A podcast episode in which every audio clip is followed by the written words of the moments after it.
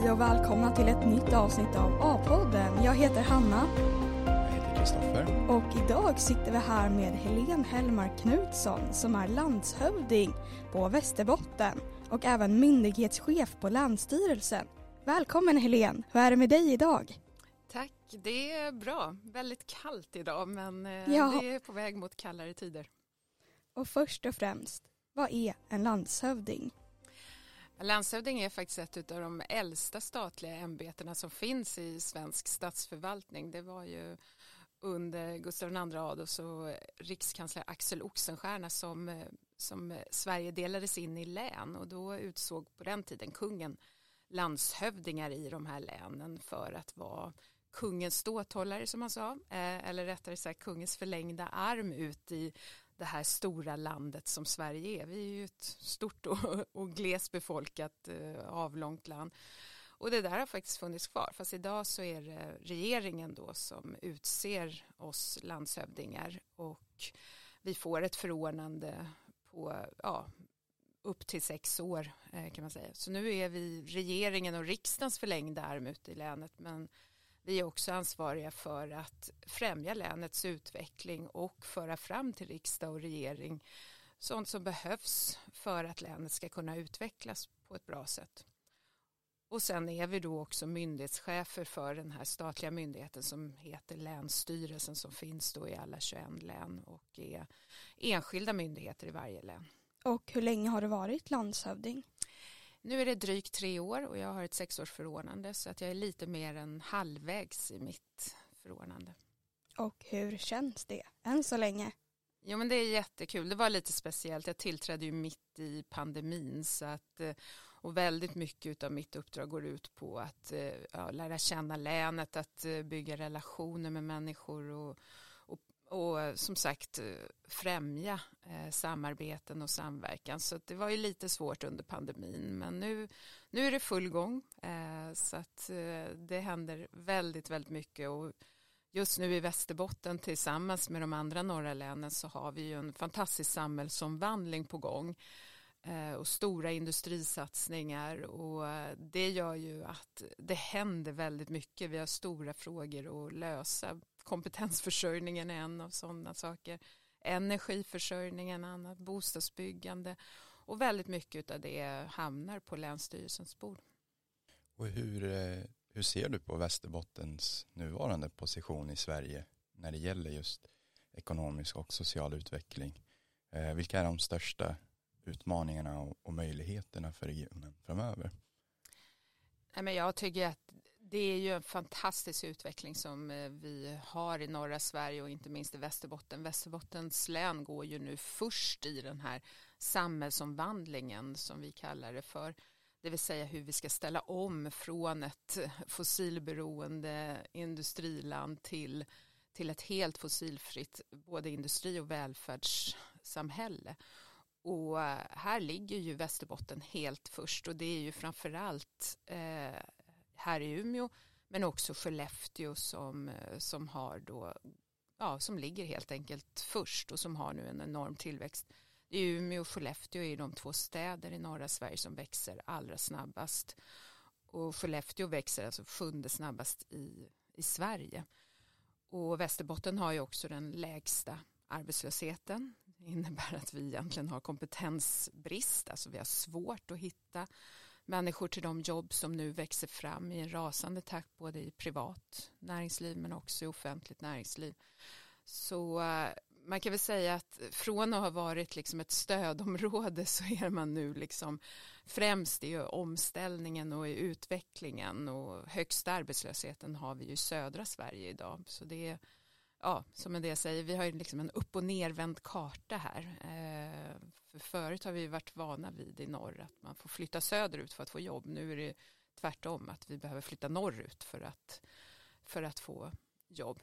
Sen finns det en annan del som vi ofta glömmer bort att säga men det är ju att norra Sverige är också den som toppar EUs index när det gäller social progress, alltså eh, social utveckling och, eh, och rättvisa. Så att det är ju ett utav de, eller en av de regioner i, i Europa som har absolut bästa levnadsförhållanden och högsta tilliten och andra sådana goda, goda saker som man vill ha där man, eh, ja, eh, där man vill leva. Så att jag tycker att just nu så ligger vi som man säger på racingspråk pole position, alltså i ett riktigt vinnarläge. Och hur tror du att Västerbotten men även norra Sverige kommer se ut då i framtiden? Vi säger om kanske 50 år. Ja, Vad tror du att vi är då? Då tror ju jag, och det är ju det vi jobbar för, att, för att ja, fortsätta att leda den här omställningen och att vi har lyckats med hela omställningen då. Att vi, vi har ett helt fossilfritt samhälle som ändå kan leverera varor och tjänster på en riktigt hög nivå och som också efterfrågade i hela världen. Och det kommer att göra att vi har eh, fortsatt god hållbar ekonomisk utveckling och förhoppningsvis också kan börja se resultatet av att klimatomställningen, att vi inte längre ser eh, en lika snabb förändring av klimatet som vi är inne i nu. För det är ju ändå det som driver här att, att tyvärr så, så är ju klimatförändringarna redan här och orsakar väldigt mycket elände runt om i världen och även här. Och det, det är ju det som är drivkraften nu, att lyckas ställa om så att vi ja, helt enkelt blir oberoende av fossila bränslen och kan leva mer hållbart. Vad tror du kommer krävas för att lyckas med den här omställningen? Ska vi bara eh, sluta låta lastbilarna gå eller krävs det någon typ av eh, innovation att, att i princip alla lastbilar blir eldrivna till exempel? Ja men det krävs jättemycket innovation och för innovation krävs kunskap och samarbete. Eh, innovation är ju, definitionen på det är ju just att hitta nya lösningar på samtidens problem. Och vi kommer ju fortsätta att behöva transportera både gods och människor men vi kommer behöva göra det både effektivare, alltså bli mycket mer resurseffektiva än vad vi är idag eh, och dessutom så kommer vi då behöva ställa om från fossila bränslen och elektrifiering är en del i det. Eh, men elektrifieringen kommer ju ske på många sätt. Det kommer ju ske både med batteri och vätgas och det kommer ju också nya bränslen som kan produceras med hjälp till exempel av koldioxidinfångning. Så att det är ju, det är ju väldigt mycket teknisk utveckling som kommer att ske. Men vi behöver ju också se till att samhället som helhet ställer om. Och det är där Länsstyrelsen kommer in. Vi är ju ansvariga för till exempel alla miljöprövningar när det kommer ny industri eller när det ska eh, dras fram nya elledningar för att vi ska klara den här omställningen. Så det gäller ju också att det offentliga är med och eh, både främjar men också ställer tydliga krav på vad som kommer krävas för att göra den här utvecklingen på ett hållbart sätt. För att vi vet också att ska vi öppna en ny gruva så har ju det påverkan lokalt, inte minst på lokala näringar och lokala livsförhållanden. Och därför måste vi också ställa krav på den här omställningen så att inte den så att inte liksom vi offrar eh, miljön för de närboende för att eh, klara det globala klimatet.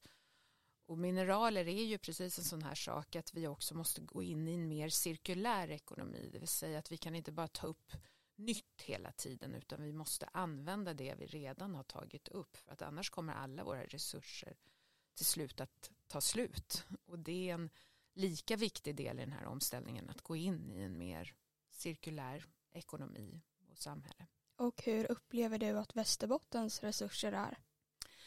Men det här är ju ett otroligt resursrikt eller län. Det är ju, vi har ju både skog och mineraler och vi har energi. Och det här gör ju att alla blickar vänder hitåt. För vi har redan grön energi på plats i form av vattenkraft och utbyggd vindkraft.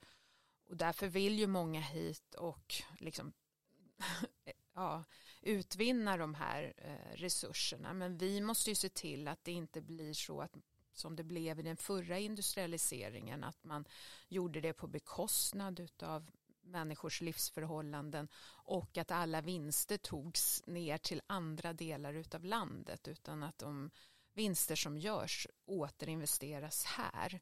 och återinvesteras just i till exempel fastigheter eftersom vi behöver ett högt bostadsbyggande och att vi också ser till att klara eh, de livsvillkor som är för människor redan här.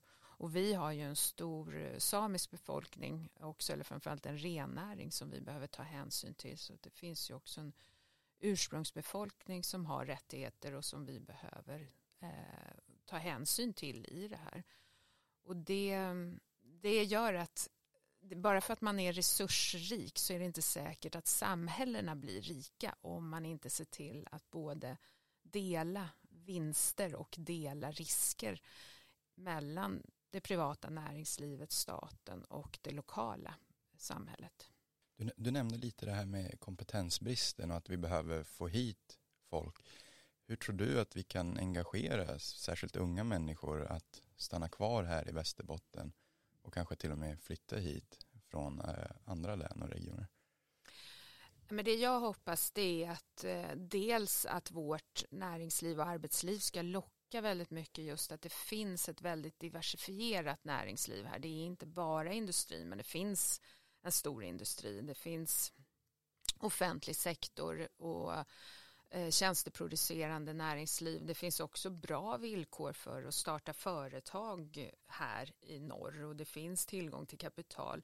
Just nu när det är lågkonjunktur så ser ju vi på konjunkturrapporterna att vi är ju de som har klarat oss allra, allra bäst. Vi har också haft en liten dipp men vi har aldrig gått ner på minus utan snarare så ligger vi eh, på en lite lägre tillväxttakt men är på väg upp. Så att det här är ju den den län, eller det län eller den region man ska vara i om man vill vara säker på att få jobb efter en färdig utbildning.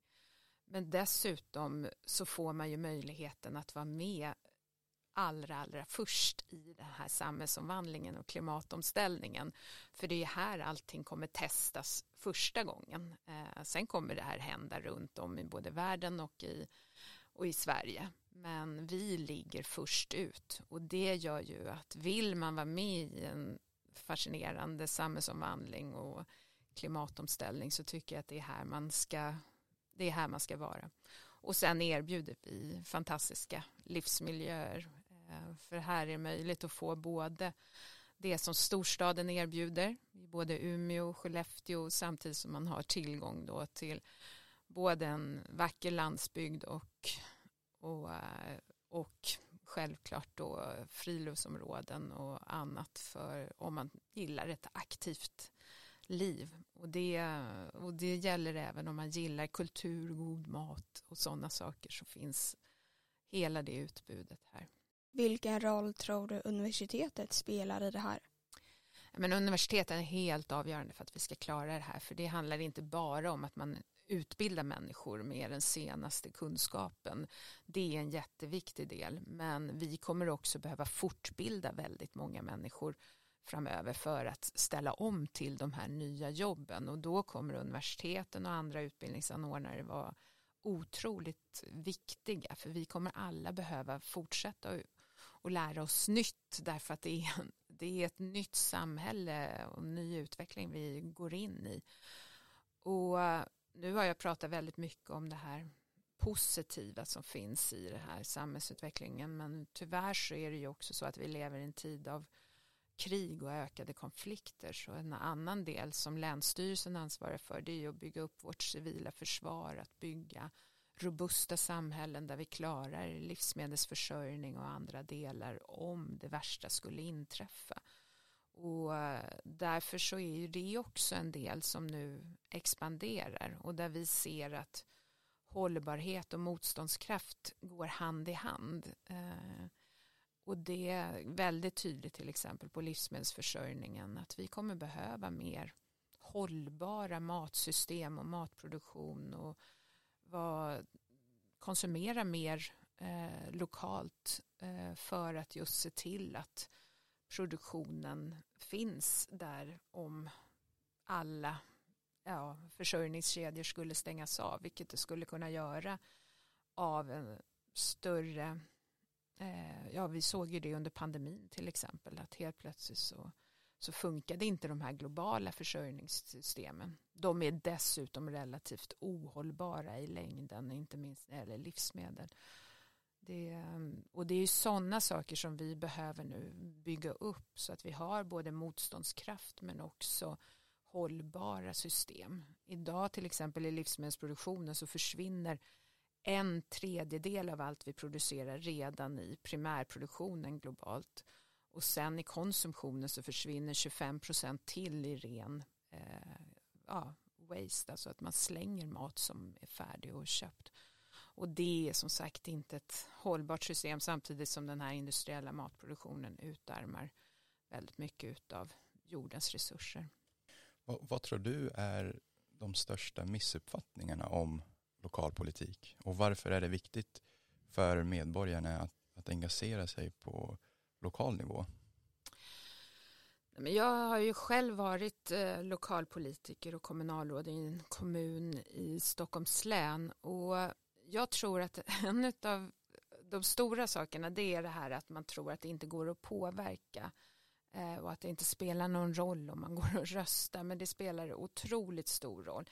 Dessutom så är det så att lokalpolitiken nu hittar nya former för att involvera medborgarna under mandatperioden också och föra dialoger om till exempel planering eller hur vi ska klara omställningen. Och jag tror att man måste inte engagera sig i ett politiskt parti men som medborgare delta i sådana här eh, dialoger och lära sig mer om det lokala. Det är väldigt viktigt för att vi ska klara den här omställningen. Och det är också viktigt att politiker och tjänstemän involverar medborgarna i det här så att det inte blir ett vi och dem. Vi ser ju tyvärr att det finns allt starkare krafter för att vi ska ha mer auktoritära system där det liksom är en person som berättar för alla andra vad de ska göra. Jag tror inte alls på det utan vi måste snarare stärka demokratin och se till att människor involveras. Vi har aldrig haft bättre förutsättningar att involvera människor i omställningen. Kunskapen har aldrig varit så hög som den är nu. De digitala möjligheterna vi har och eh, som sagt uppe i, norra Sverige så har vi också den högsta tilliten i hela världen. Och det gör ju att här kan vi eh, göra det här ihop och det tycker jag man ska engagera sig i.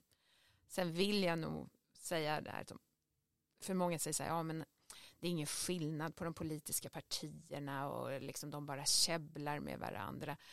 Och det ligger en sanning i det, men det är inte bara det, utan det är, och det finns inget parti som 100% stämmer överens vad jag tycker.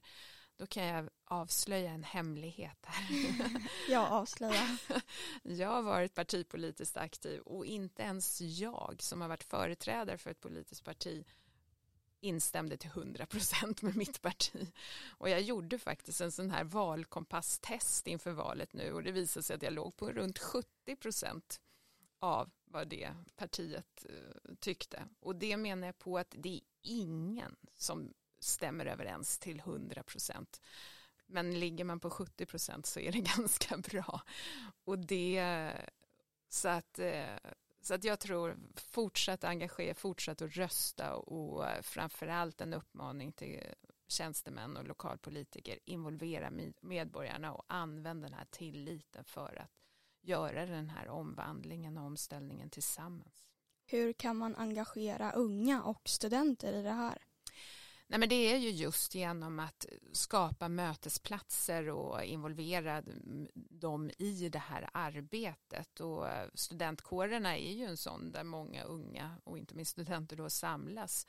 Och det går att och involvera dem väldigt mycket mer. Nu är de fullt engagerade i sin utbildning och, och så. Men, men som arbetsgivare kan man ju också bjuda in studenter att göra sina exjobb till exempel tillsammans. Eh, och det tycker jag är ett bra sätt att, att både presentera sig som arbetsgivare men också få tillgång till den här helt nya färska kunskapen som är baserad på den senaste forskningen inom ett ämne.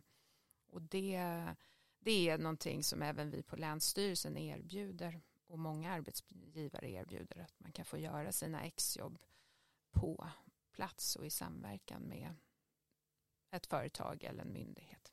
Jag tänker en lite mer personlig fråga kanske. När du ser tillbaka på din karriär, eh, vilka ögonblick eller beslut är du mest stolt över och varför? Nej, men det finns, eh, jag har gjort så himla mycket men eh, när jag var kommunalråd så eh, ett av de saker som jag tyckte vi gjorde tidigt och bra, det här är ju rätt länge sedan, det är ju början av 00-talet, men det var, eftersom det här var en storstadskommun mitt i Stockholms län så tog vi en översiktsplan där vi sa att man inte ska behöva ha en privat bil för att klara sina vardagsbestyr. Eh, det vill säga pendla till jobbet eller lämna på förskolan eller följa med till fotbollsträningen utan att allt det här skulle finnas tillgängligt inom, inom varje stadsdel. Och där tycker jag att vi var ganska tidiga. Det, det andra vi gjorde var att ha små lokala rådslag i stadsdelarna om större förändringar. Till exempel om det skulle byggas en ny skola eller förskola eller om det skulle utvecklas en park så eh, involverade vi medborgarna i lokala rådslag och det var vi också ganska tidiga med. Och sånt är jag stolt över att vi vågade även om alla var emot för nu är det liksom vad man gör. När var det här ungefär? Nej, men det, jag var kommunalråd mellan 2001 eh, och 2010 så det här var under 00-talet så att det är rätt länge sedan. Mm. Sen, eh, sen har jag då varit minister för högre utbildning och forskning också i Stefan Löfvens första regering och det som jag är mest stolt över det, det var många saker som vi gjorde då, det var många reformer, men en sak var just att eh, se till att vi fick ordning på kvalitetssystemet och hur vi ska utvärdera kvalitet för högre utbildning.